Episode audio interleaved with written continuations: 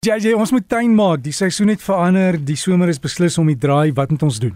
Nou, sê Dirk, ek het eintlik twee versoeke in die week gehad oor onderwerpe wat ons graag op die radio kan behandel. En eersien was amaryllis geweest. Nou met meeste amaryllis wat nou so pragtig en blom is, is daar wel 'n paar wat nie blomme uitgestoot het nie. En hier is 'n paar wenke vir mooi amaryllis. Uh daar's twee inheemse variëteite waarvan die belladonna seker die bekendste is met sy pragtige sagte pink blommetjies, maar onthou jou amaryllis wil graag volson hê. Te veel skare gee ongelukkig vir jou plante minder blomme. So as jou plante nie mooi blom nie, maak seker dat hulle wel meer son kry dan gaan hulle vir jou beter blom. Probeer hulle om ook sommer van die begin op op van die begin af op die regte plek te plant waar jy hulle graag wil hê, want hulle vat baie lank om te blom nadat hulle eers geskuif was. So plant jy hulle in potte sit daai potte op die regte plek neer en probeer om nie daai potte rond te skuif nie want selfs al skuif jy die potte rond, ehm um, gooi jy hulle siklus heeltemal uit en dan wil hulle lok vir vir vir jou rekniel blom nie. Mens moet hulle eintlik op 'n plek plant waar jy eintlik van hulle kan vergeet. Nou sanderige grond wat baie groot goed dreineer met min organiese materie word eintlik aanbeveel. Mense het nie hoop kompos hier nodig nie. Jy het min organiese materie nodig, maar dit is baie belangrik vir die sandige grond, sanderige grond want jy wil nie noodwendig hierdie bolle moet in water staan nie. Die beste tyd om hulle te voer sal wees vanaf die laat somer uh, deur die winter tot vroeg lente. Uh dit is dan wanneer hulle eintlik hulle blomoogies maak. Hulle kan gelukkig ook ligtery hanteer, dan is hulle in elk geval dormant. So hoe kry hulle dormant? Jy gou op hulle om in die winter nat te gooi en dan sodra jy sien hulle stoot blomme uit of uh begin met daai blaartjies, begin met daai nuwe groei, dan kan jy sommer dadelik ekstra water begin gee. Ja, jou amaryllis maak ook saad en jy kan hulle ook maklik van saad af kweek in die herfsmaande eintlik ongelooflik lekker om te sien hoe die mense nou op al die verskillende sosiale media platforms met hulle amaryllis spog, jy weet, en al die nuwe kleure van die geel tot die pink tot daai groot rooi is wat nou deesdae beskikbaar is. Jy weet deesdae het die mense nie eintlik 'n verskoning om te sê jy kry nie 'n kleur in amaryllis wat ehm um, wat jou bure het wat jy nie in jou tuin kan plant nie, want alles is omtrent beskikbaar. Die tweede ene of die tweede navraag wat ek gehad het, het gegaan oor kunsmis en toevallig het ons net net begin om te praat oor die kunsmis toe jy gepraat het van die grow green.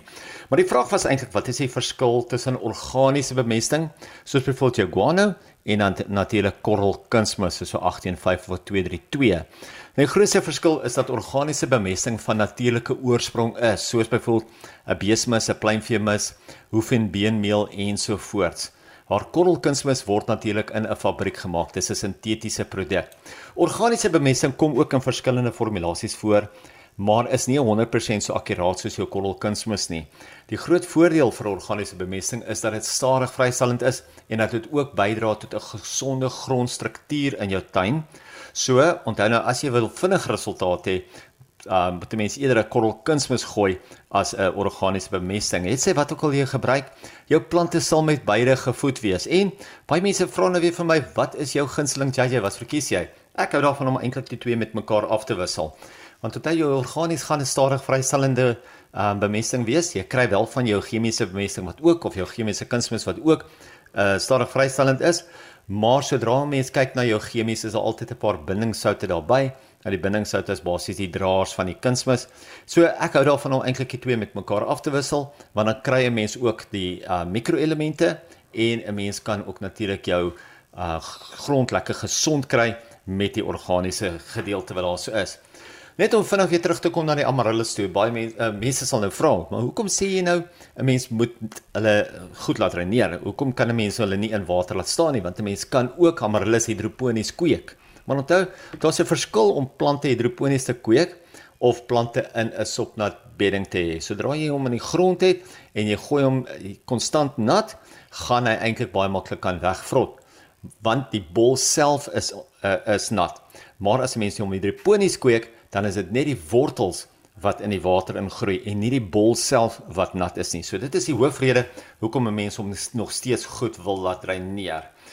Dirk ons plant van die week. Ek weet daar's baie mense wat hou van inheemse tuine en 'n pragtige inheemse grondbedekker wat baie mooi gro sterk groei en natuurlik pragtig blom is die convolvulus. Maar vandag praat ons nie van ons eie inheemse ene nie.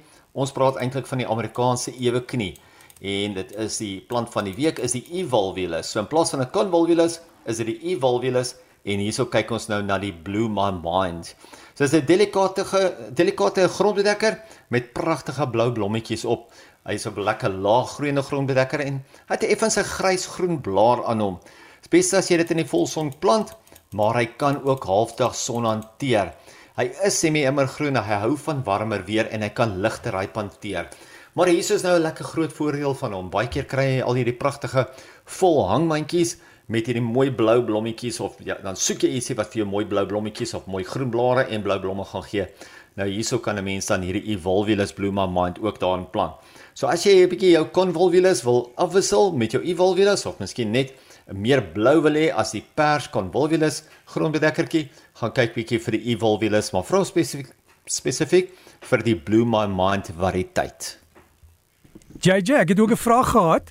Uh, iemand vra, hulle het miswurms daar in die tuin. Is dit gevaarlik vir jou plante? Wat moet hulle daarmee doen? Ek het voorgestel gooi dit op die grasperk vir die voëls om te eet, want hulle is mal oor die miswurms, né? Daai wit is, daai wit is. Jy jy's jy is 100% reg. Hy lekker vet wit is. Kyk, is eintlik 'n snywurm. 'n Miswurm is 'n snywurm en 'n miswurm is 'n fantastiese um insek of uh, wurm om te hê in jou komposhoop, maar nie in jou beddings nie. As jy hom in jou beddings het, gaan hy ongelukkig jou plantjies soos met enige ander snywurm opvreet.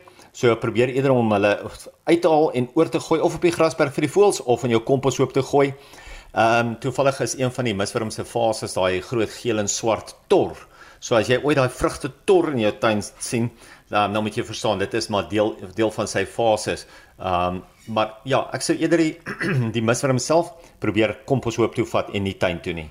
En JJ, weet hier in Suid-Afrika ons eet alles, so dalk moet hulle mag gekweek word dan kan ons, jy weet, soos Mopani wurms hulle droog maak en gaar maak, né? Nee.